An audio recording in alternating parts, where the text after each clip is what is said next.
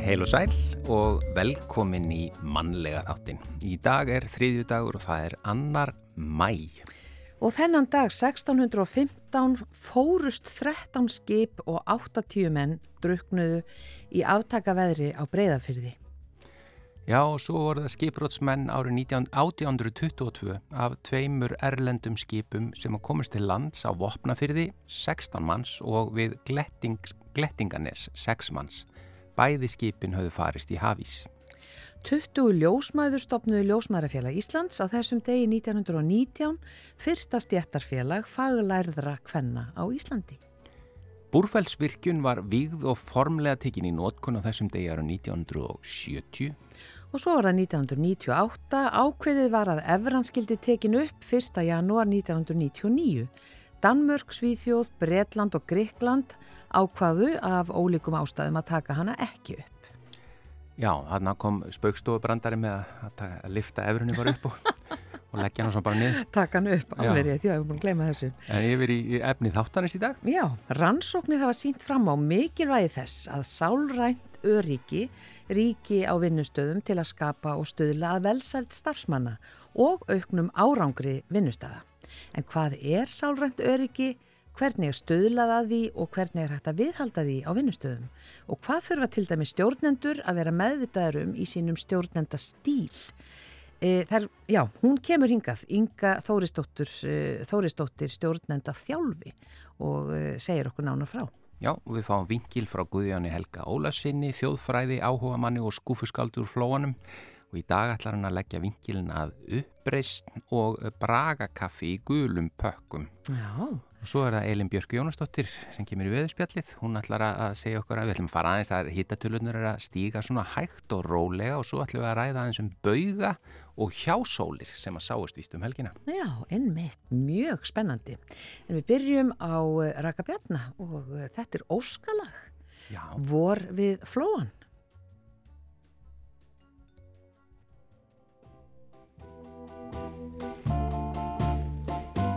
Senn fer vorið á vængjum yfir flóan Vaknar allt af vetrar blum um völl og hlýr Blóminn spretta úr jörg litla lóan Ljóðar glatt og leikur dátt sín laugin blý Um hinn kyrru ljúfu kvöld er kvíslað létt í skó ástarljúfu orð er ángar döggin á grein. Sem fer vorið á vængjum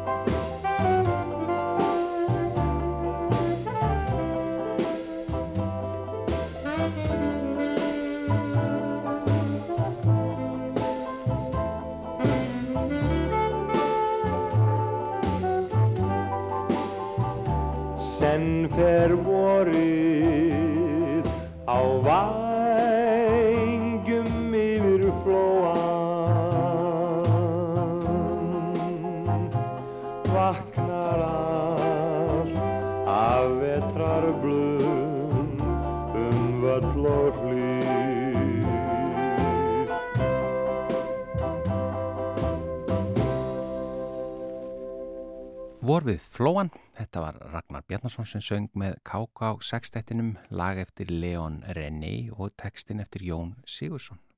Já, Rannsóknir hafa sínt fram á mikilvægi þess að sálrænt öryggi ríki á vinnustöðum til að skapa og stuðla að velsælt stafsmanna og auknum árangri vinnustada. E, en hvað er sálrænt öryggi og hvernig er stuðlað að því og hvernig er hægt að viðhalda því á vinnustöðum?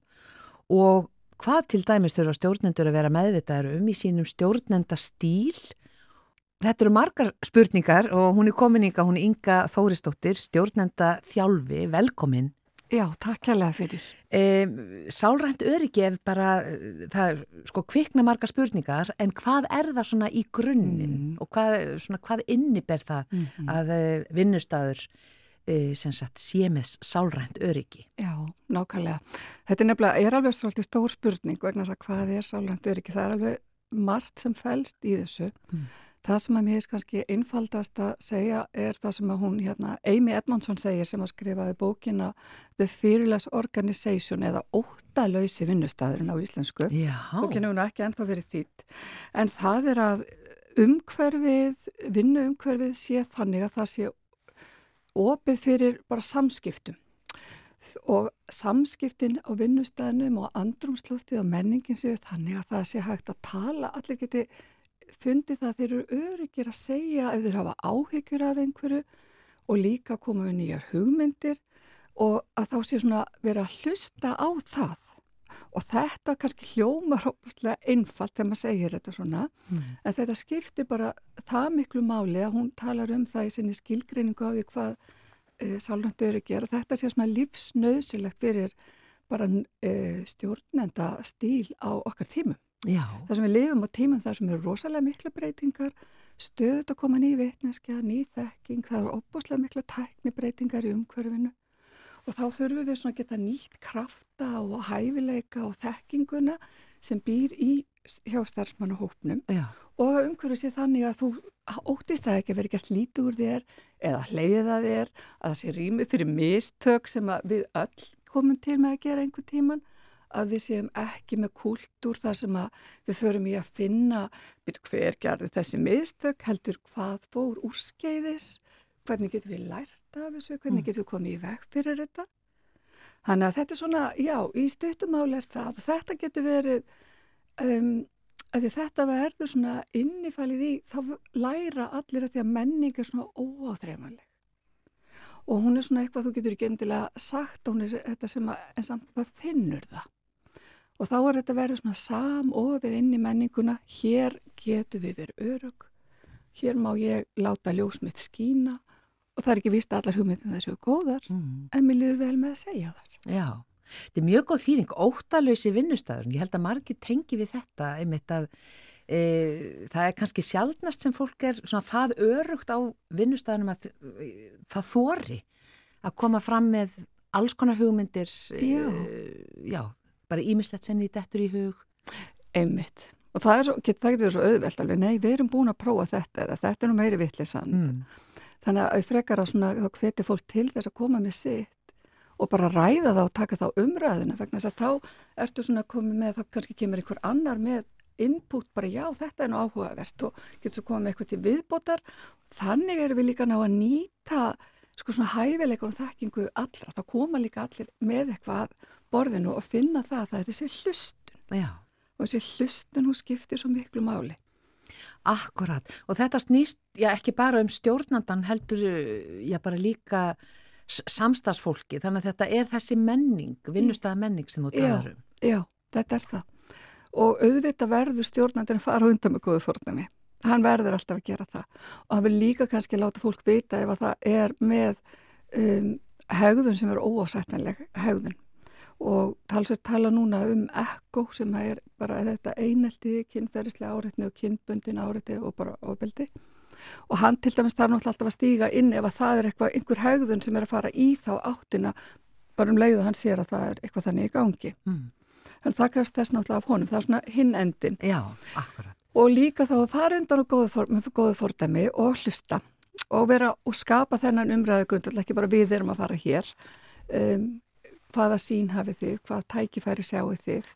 Þannig að hérna, það er gríðarlega mikilvægt að hlusta Að hlusta, já, já, akkurat. Og þú segir einmitt uh, að þú hafið svona eiginlega uh, fletta þetta inn í svona mjög margt að, að því þú ert að fara á vinnustæði með fyrirlestra og annað já. og þetta sálrænu, sálrænu öryggi er ferð að flettast meira svona inn í það sem þú ert að... Já, ég eiginlega bara, þegar maður sest með hópi eða kemur inn á vinnustæði eða er, er að vinna með hópi stjórnenda þá er þetta, þetta skiptir bara svo miklu máli að, hérna, að ræða þetta. En ég fletta þessu eiginlega bara alltaf bara kemur svo alltaf að Já, bara þannig að þú sett meðvitaður um það hvað þetta skiptir miklu máli. Mm.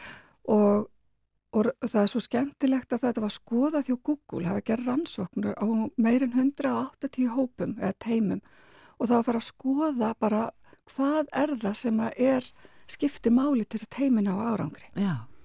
og þá kemur það í ljós í þessari rannsókn að það sem að er sko undirstæðan þess að árangur náist það er að það ríkis álændir ekki Þannig það var svona eins og hérna, það verið svona grunnurinn, mm. þar sem að tröstið er og samskiptin eru góð og það, ef það var ekki til staðar, þá voru svona aðrir hínu fjóri þættirni sem að koma hana fram, þá skiptið það ekki eins miklu máli því þetta er svona eins og reysa hús og sandi ef þú ert ekki með þetta. Já. Þannig það er mjög, það, það er það svona mikilvægt, það er svona er ég mjög heitlið af því að hérna bara koma þessu að sem víðast. Já.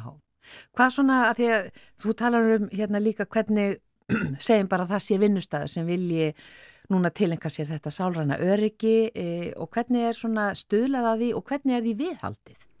Já, ef að vinnustæður til dæmis vil fara svona í þessa vegferð, það getur verið mjög gott bara að gera, byrja bara á samskiptasáttmála. Það sem fólk bara talar um hvað finnst mér mikilvægt í samskiptunum. Mm. Og það sem kemur náttúrulega þá mjög oft er bara þess að það sé virðing, það sé hlustun og hérna við tölum, eh, bagtölum ekki hvort annað og, og svona ymsi svona þættir og þegar að búið er að gera það þá þarf síðan að viðhalda þeim samskiptasáttmála.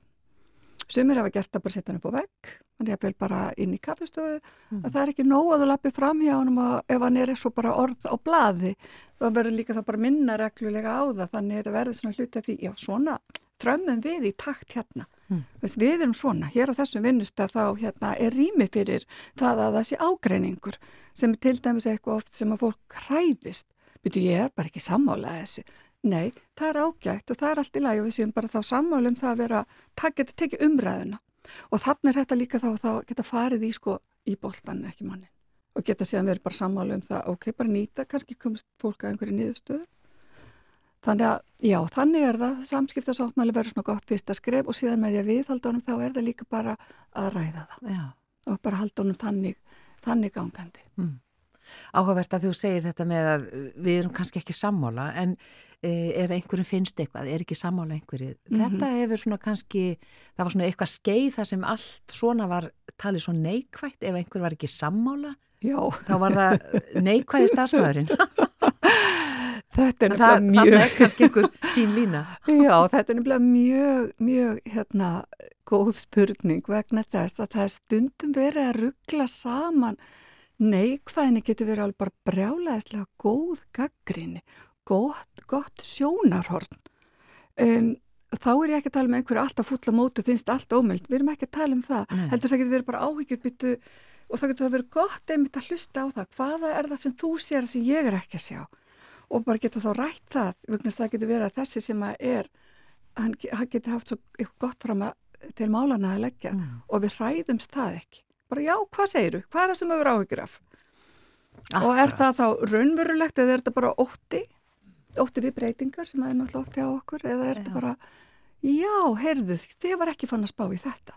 Að, og þannig erum við þá einmitt þetta nýta allt sem að fólk hefur fram að færa sem er skemmtilegt. Já og það þarf þá að vera þetta sálrana öryggi þannig að þú sést uh, óhættur við að eða óhætt við að sagt, segja þína skoðum. Já. Já. Nei, bara óttist ekki að þess að þetta bara gert lítið úr þér eða það er svona að það vill enginn lenda í því. Þá verður bara að passa sjálfa þig.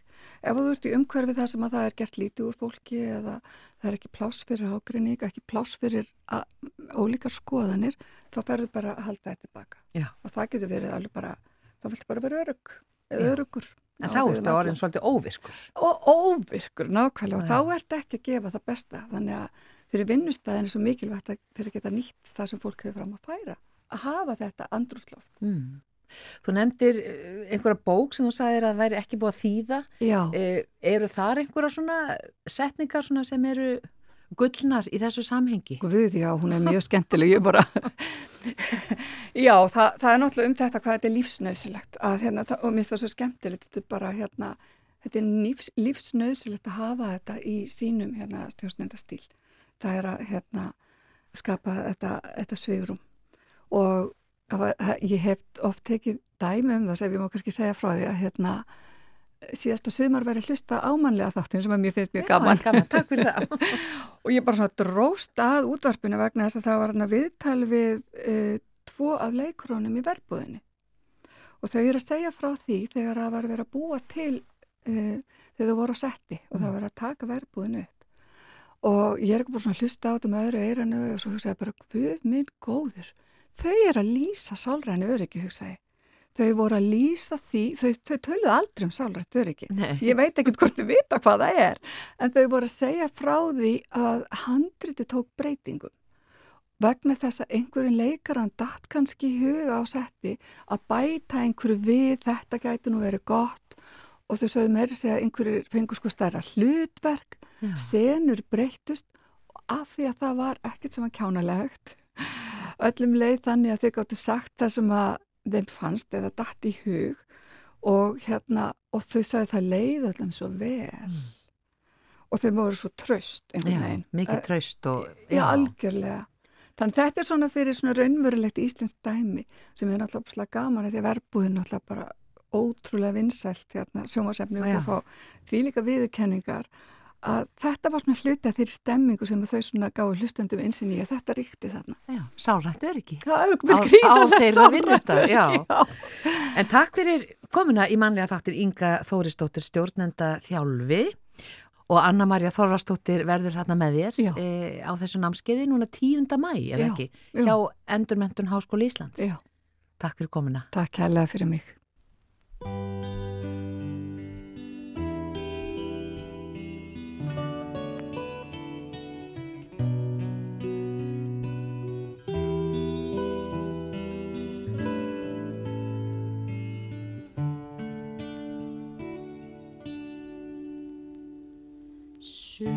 Sunnan yfir sæin breyða, sumarilinn vindar leiða, draumalandið hímin heiða, lær og opnar skautið sitt.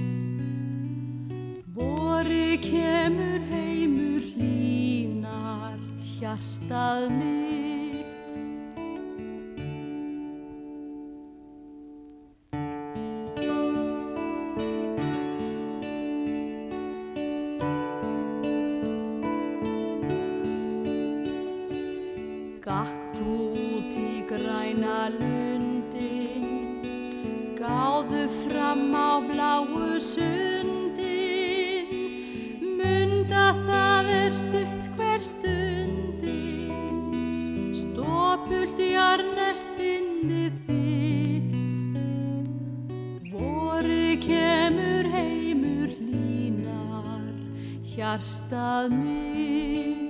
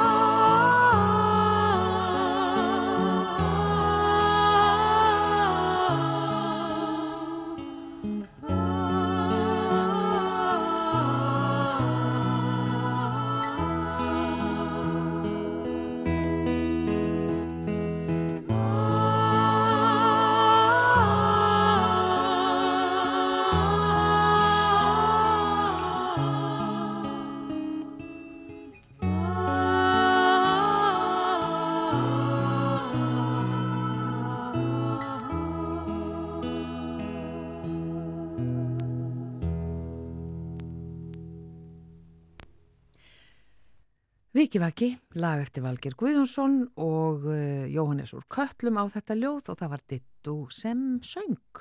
Já, þetta er vorþema í tónlistinni í þættinum í dag. Algjörlega. Öll lögin uh, heita, því að sko Vikivaki eins og heitir að vorið kemur líka sko. Mm.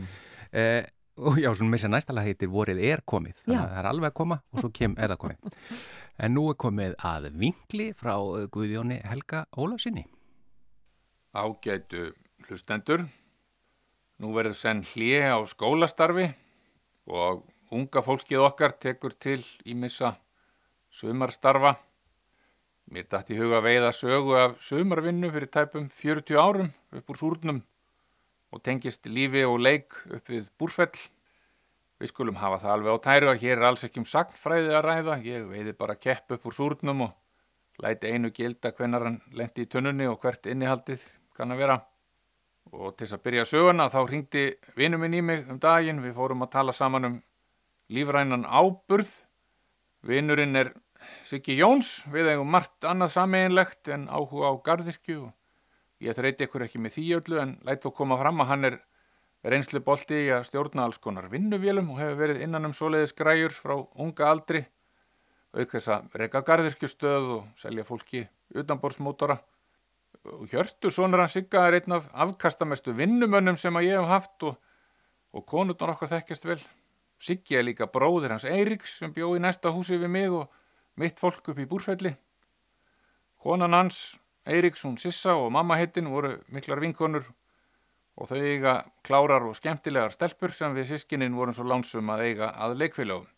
Fyrir ykkur sem ekki þekki til hérna uppfrá er búrfellsvirkjun neðst á virkjanasvæði Þjórsár og Tungnár, hvað sem framtíðin kann að bera í skauti sér varandi það og í búrfelli bjöku 17 fjölskyldur þegar mitt fólk flytur þanga búferlum. Í það minnsta einn aðili úr hverri fjölskyldi á svæðinu starfaði hjá landsvirkjun. Í mínu tilfelli var það Karl Fadur minn sem í aldarfjörðungu var vélfræðingur hérna uppfrá. Aukveð sem við sískinin unnum hinn ímsu störfar og sumrun í unglingavinnunni, eins og það hétt. Ég kunni svo sem ekki margt verka þarna í þessari unglingavinnu til að byrja með en bjó mögulega því að afi minn var bóndi og hafði lagt sitt af mörgum til að gera úr manni nýtan þjóðfélagsþegn.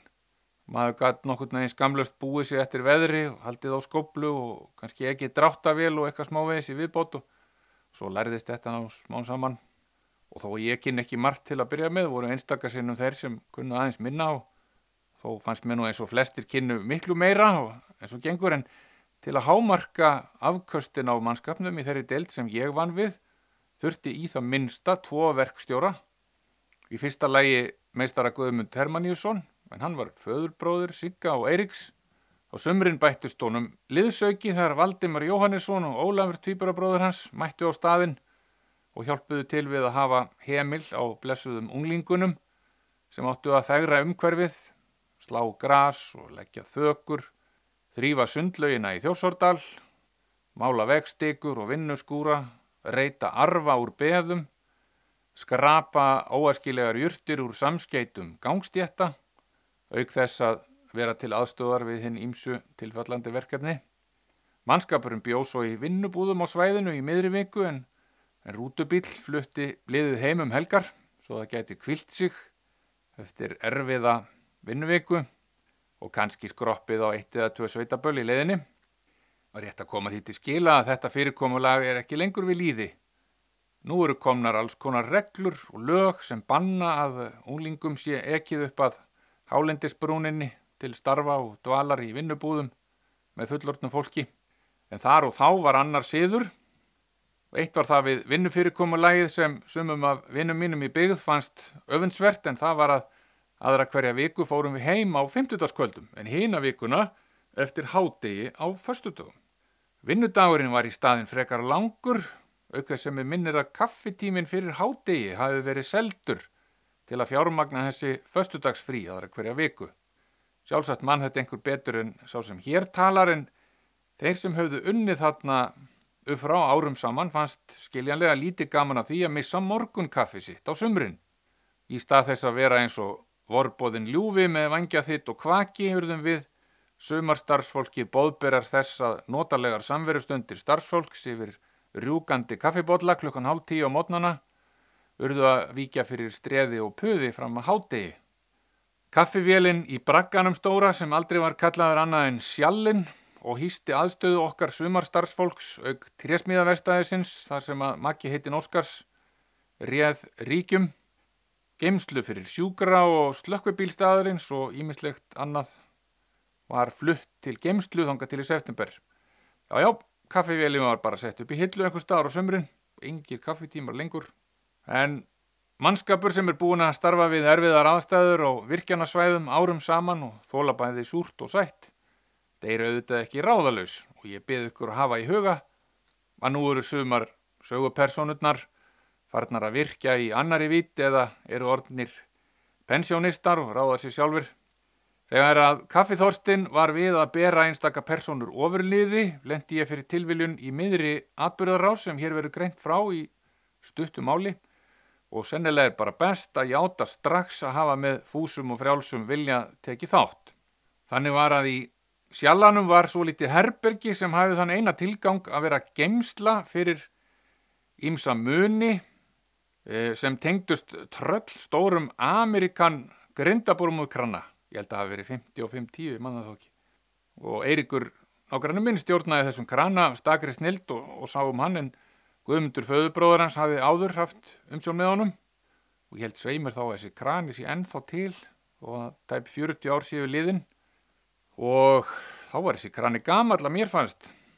Uppreistnin hafði tölverðan aðdraganda en eh, mín aðkoma var í upphafi svo að vera fengið það verkefni að taka til í kranakompunni í samráði við kranastjóran.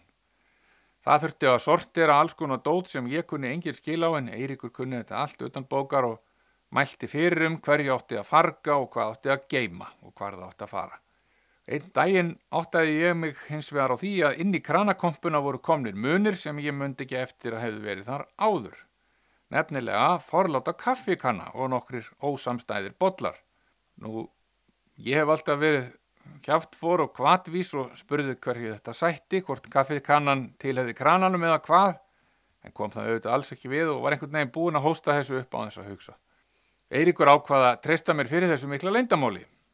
Í ljós koma kranastjórin og áhöfnin á dæluskipinu Trölla, sem ég var að setna hluti af, hafðu bundist samtökum um að sækja á laun kaffikönnu þá er tilherði starfsmanna íbúðinni við Ísakot og fela hana í kranakompunni.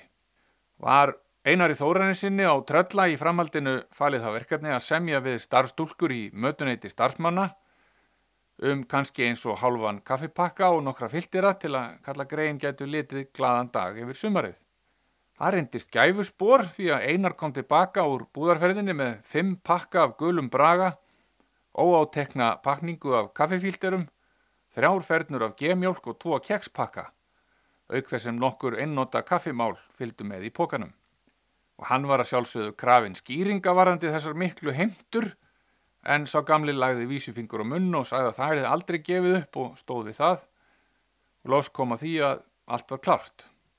Búið að taka þannig til í kranakompunni að pláss var fyrir nokkra kalla og búið að finna til stóla en mig minnir einhvern veginn að kranastjórin hafi tilt sér á heljar mikla tríakistu sem gemdi einhvern amerískan leindardóm fyrir innvíkða kranamenn. Ég stalst þess að fylla á varskeimi kaffikönunar og afhendi uppreistnarsækjunum, en bjóst síðan til þess að standa vörðum krossviðarspjaldi sem þjónaði sem hurð fyrir kranakompunni. Það sem gerðist næst frá mínu sjónarhóttni var eftirfarandi.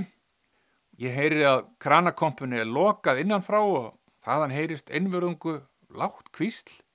Frammi var allt með kyrrum, gjörum og Ég sá ekki betur en að Guðmundur Hermanníusson verkstjóri sæti við skrippbór sitt og bladaði þar í skjölum og talaði síma. En skindilega leita hann upp úr bladabunkanum og horfið út um rúðuna sem skildi að skrifstofu hans og vinnurýmið með röntgen augum. Hann skellti purpuralitaðri derhúu með áleitrinni Sívas Regal á höfu sér en það sagðan okkur að væri líbanska og myndi þýða yfir hersöðingi. Ég ætlaði að afvega leiðan til að uppreðsnarsækjirnir fengi frið með kaffisitt en yfir hersöðingin var ekki í stöðu fyrir svoleiðis heldur stormaði áttina að kranakompunni og sagði er þetta kaffilikt? og opnaði síðan dinnara kompunni, ég hafi fyllt í kjölfarið en atbyrðarásin var mjög hröð og ég náði ekki að stinja upp neinu sem komi gæti uppreysnarfloknum að gagni. Anskotin, eru þið með kaffi hérna? spurði Guðmundur þó að það lægi auðvitað fyrir því að flestir þar inni heldu á rjúkandi kaffibotla og sumir á kamelsíkarettu líka. Viðstattir játuðu brotsitt, jú, þeir höfðu held upp á nokkra dropa.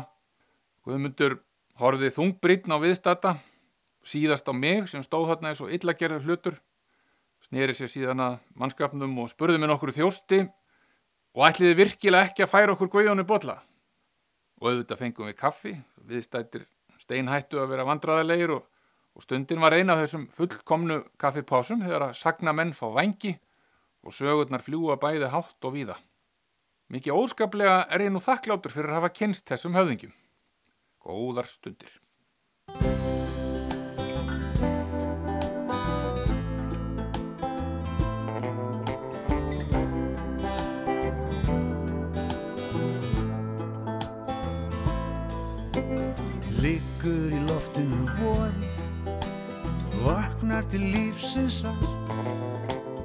Seint ég fæð í skorið Hjartað er heitt og kallt Hvort lífið við mér leik Eða snúi baki við mér.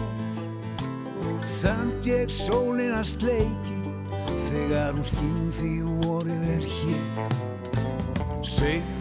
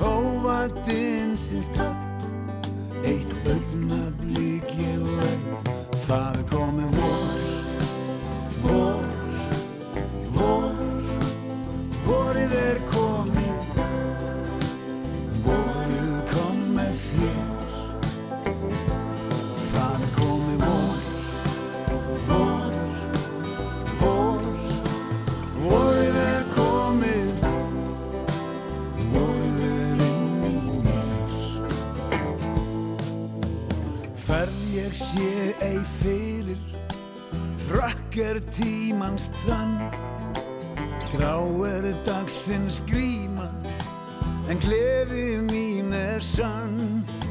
Því augna þinna umgjörð Umvefur mitt líf. Sjónar spila sann Þú ert minn óskarsteinn og hlýf Sólinn tók sér stöð Eitt sumar á mig leit. Hvað og ástin Mér ætla ég ei veit. En fögur er mín fylgja Mín einsemd er feið Hjarsláttur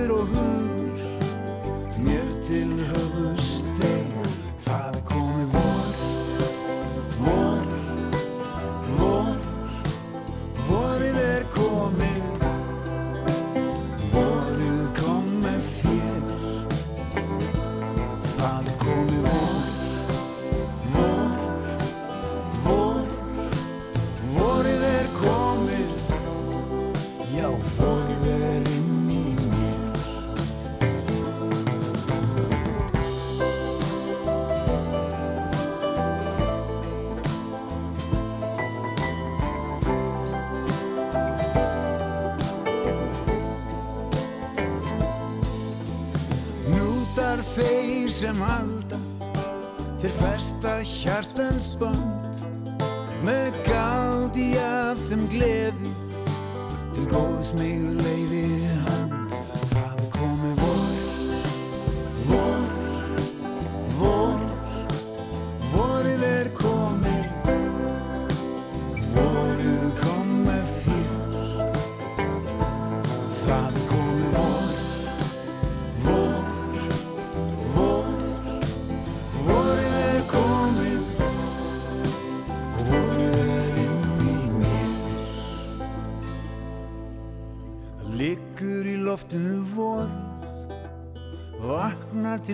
lífsins allt.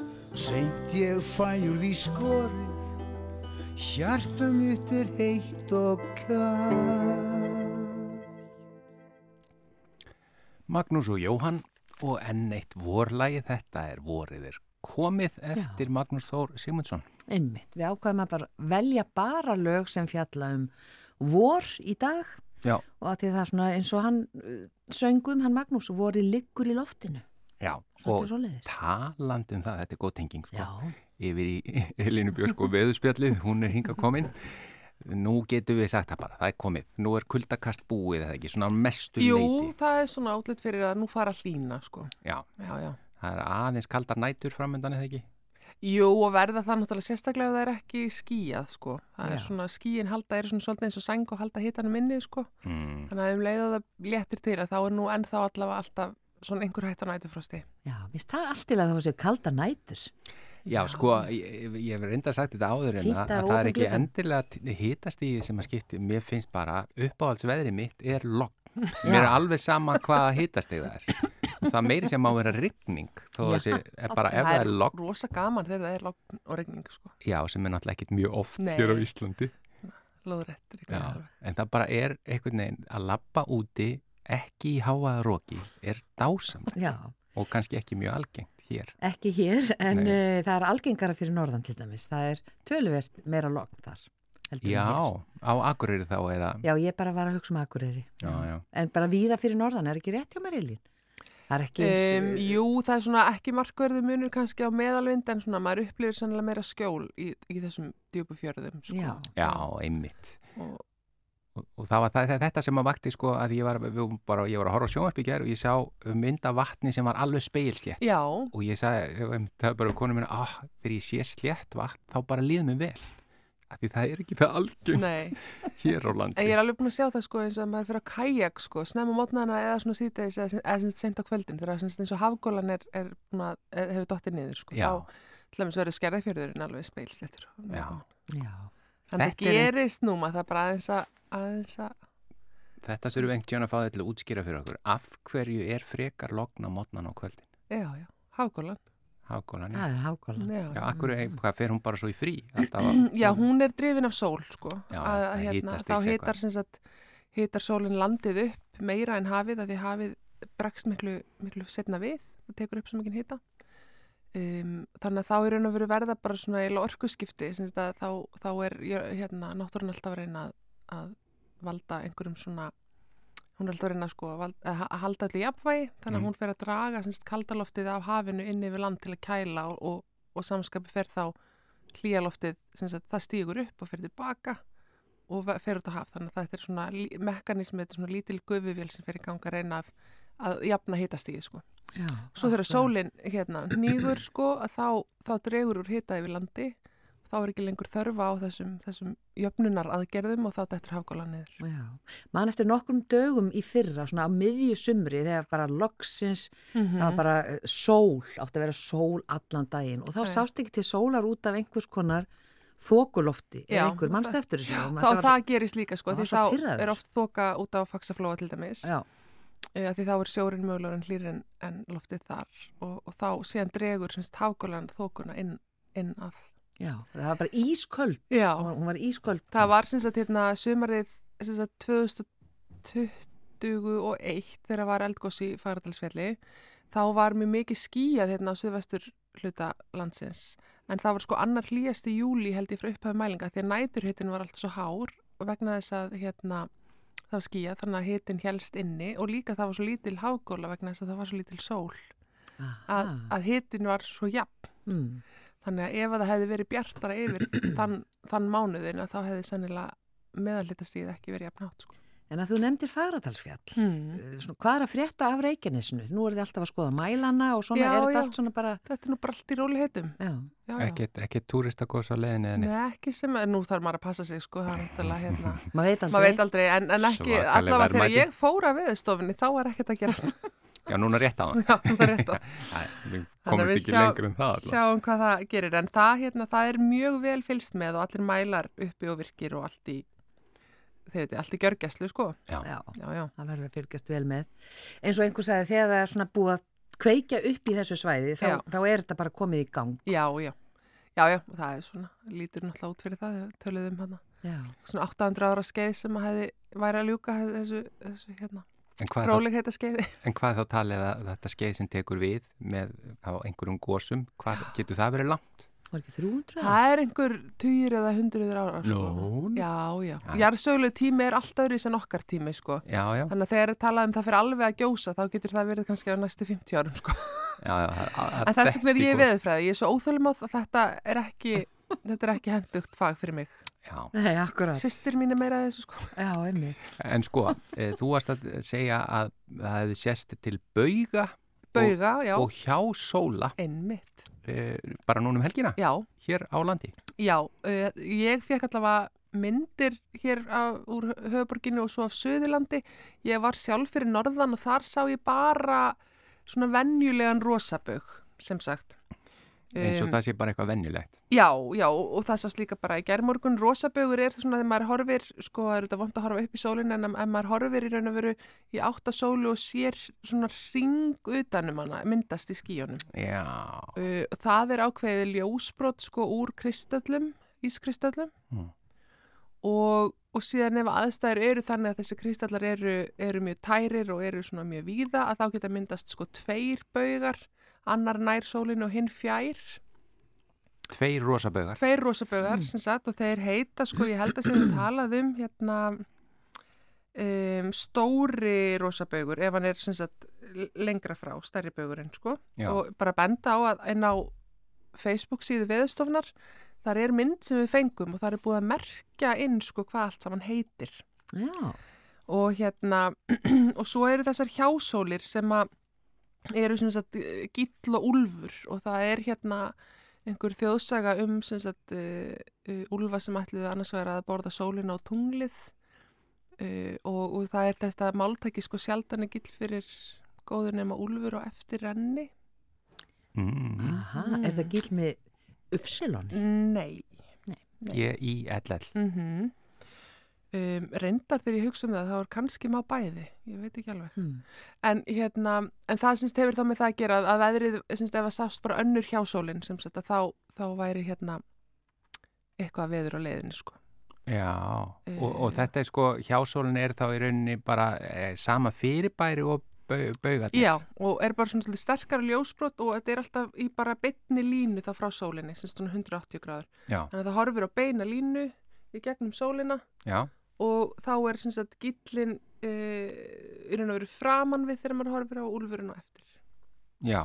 Uh, ég er að horfa hérna á þessa mynd sko, Já. að, að því þú bentir á, ef þið finnir viðustofa Íslands á Facebook, Mm -hmm. þá er þetta mjög skemmtilegt að sjá myndina og sjá hvernig þetta er, að því svo er, eins og kvirvilbaugur sem Já. er svona á kvolfi Já, eiginlega yfir. þeir eru tveir, sko, snertilbaugurinn eða snertibaugurinn og hvirvilbaugurinn Já, og hver, það var, þó, þetta er eitthvað sem sko sést ekki oft og ég hef ekki séð nefnilega hér á Íslandi Semst, ég hef séð svona rosabaug og jafnvel svona stórbaug sko, svona tvöfaldan og svo gíl og, og úlf sem eru tiltölu algengir sérstaklega veturna í svona stillum sko mm þegar Mhm. er kallt en, en hverfylbaugana þetta uh, þessi, þessi brós hef ég ekki séð og hverfylbaugurinn er stundum kallaður svona hérna smile of the sun eða smile of the sky solarbrós sólabros er og, mjög falla.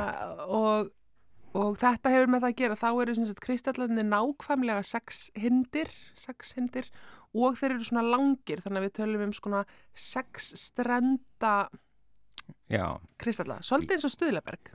Ég var bara akkurat að læra um þetta hérna strendinga, hérna þrýstrendingur og allt, ég var að hjálpa Já. dóttur mín í starfræði. Já, einmitt sko. Það er í gær, sko. Og hérna, þannig, já, þannig að sem sagt, þeir hérna þurfa að vera flatir eða svona sexstrendir til þess að fá þess að snertibauga þarna uh, sem sem sagt brósbaugarnir uh, og, og þetta er svona viðkvæmt sko það má ekkit annað vera sem að, sem að trublar sko hvernig ljósið brotnar á þessum kristallum. Þannig að þess vegna er þetta svona óalgengt að því oftast er nú einhver reyfing eða, eða einhver blöndun af ögnum í andrúsloftinu Svo er hérna meiri sér gílabaugur eða Já. gílur sem að er, Og- er svona beitn eða Já, þá hann, ef þú horfir á gílbögin sko og að sólu Já, og svo aftur sem sagt að hérna hérna úlfinum og segir að þá liggja þessar hjásólir og sólin á sama baug sem sagt þarna í gegnum já, já, já, já.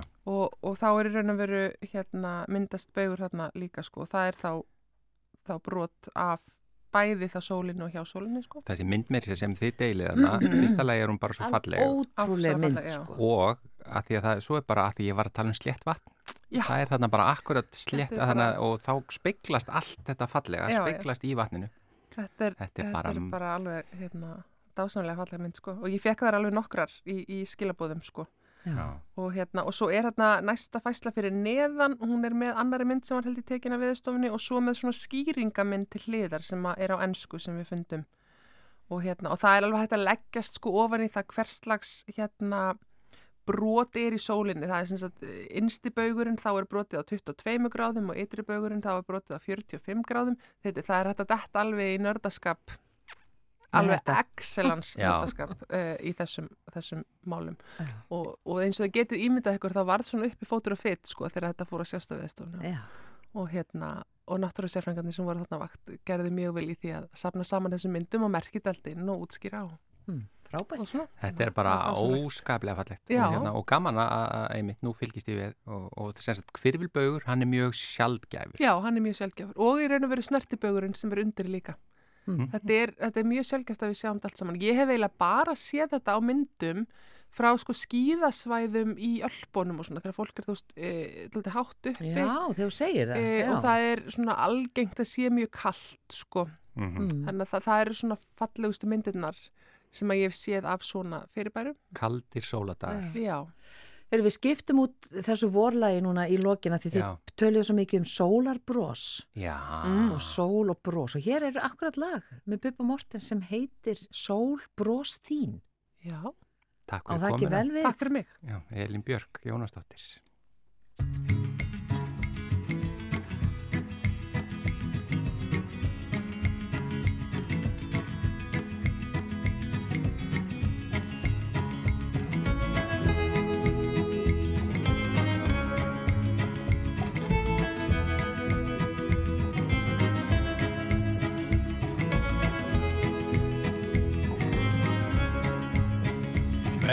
voru hjarta mér.